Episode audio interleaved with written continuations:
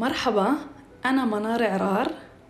أنا معلمة للغة العبرية في المدارس الإعدادية وكمان طالبة للقب الثاني في كلية أخبا اليوم أعزائي وعزيزاتي حبيت أهديكم مقطوعة سماعية تتمحور حول أهمية القراءة والفائدة اللي بتعود منها.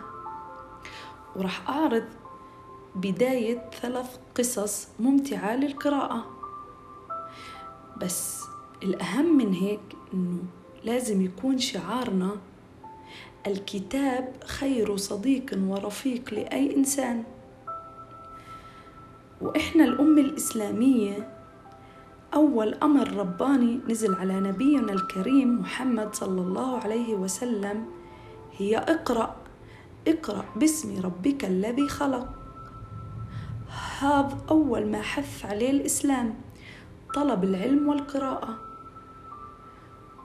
لأنه للقراءة في فوائد عديدة راح أذكر منها.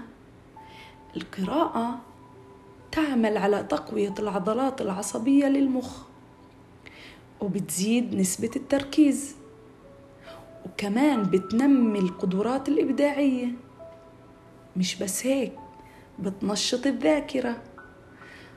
وبتساعدنا نتخلص من مرض الاكتئاب وغيرها العديد من الفوائد. عشان هيك لازم نحول القراءة لعادة مستمرة في حياتنا. الآن طلابي راح أعرض فقرة من قصة ممتعة للقراءة. راح أعرض بداية القصة وإنتوا راح تكملوا قراءتها. القصة اسمها نمرة جنى. للكاتبة منى سروجي. جاهزين؟ لا أريد أن أقص شعري. برطمت جنى. جنى من فضلك اجلسي قالت أمها وهي تتنهد. لا لا لا اعترضت جنى ثم أطلقت أعلى زئير نمرة يمكن أن تسمعوه. أوه مرة أخرى تأوهت الأم. تعالي إلى هنا أيتها الشقية. وثبتت جنى في أنحاء الغرفة. ثم قفزت من الشباك. بعد أيام وفي حفل عيد ميلاد هديل أعلن المهرج أريد من يساعدني. أنا صرخت جنى بأعلى صوت. اختار هديل صاحبة العيد قال المهرج. لكن أريد أن أساعدك اشتكت جنى هز المهرج رأسه بالنفي.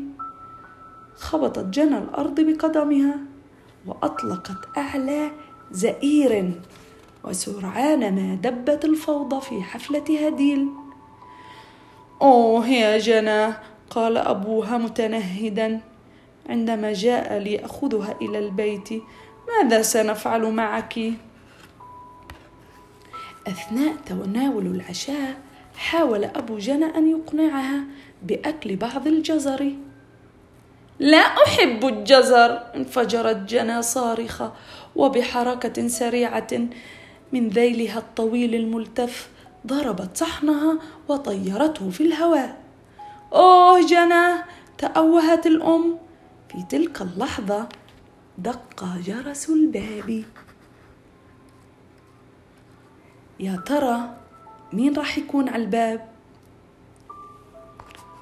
راح أترككم مع تكملة القصة تقرأوها وتعرفوا مين كان يدق على جرس الباب قصة ثانية أعزائي وعزيزاتي اسم القصة عرض المواهب جاهزين؟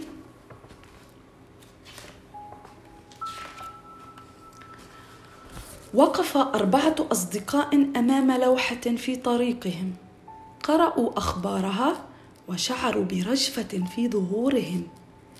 كذلك رأى اللوحة عصفورا صغير أحمر هبط إلى الأسفل ليرى بشكل, بشكل أفضل. قال بصوت هادئ أنا أرغب في أن أذهب وعرض المواهب سأحاول أن أكسب.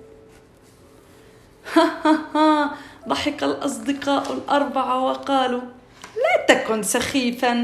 أنت عصفور لا أكثر وصغير جدا. بعد هذا تابع الأصدقاء مشيهم ليبدوا بحماس في تدربهم.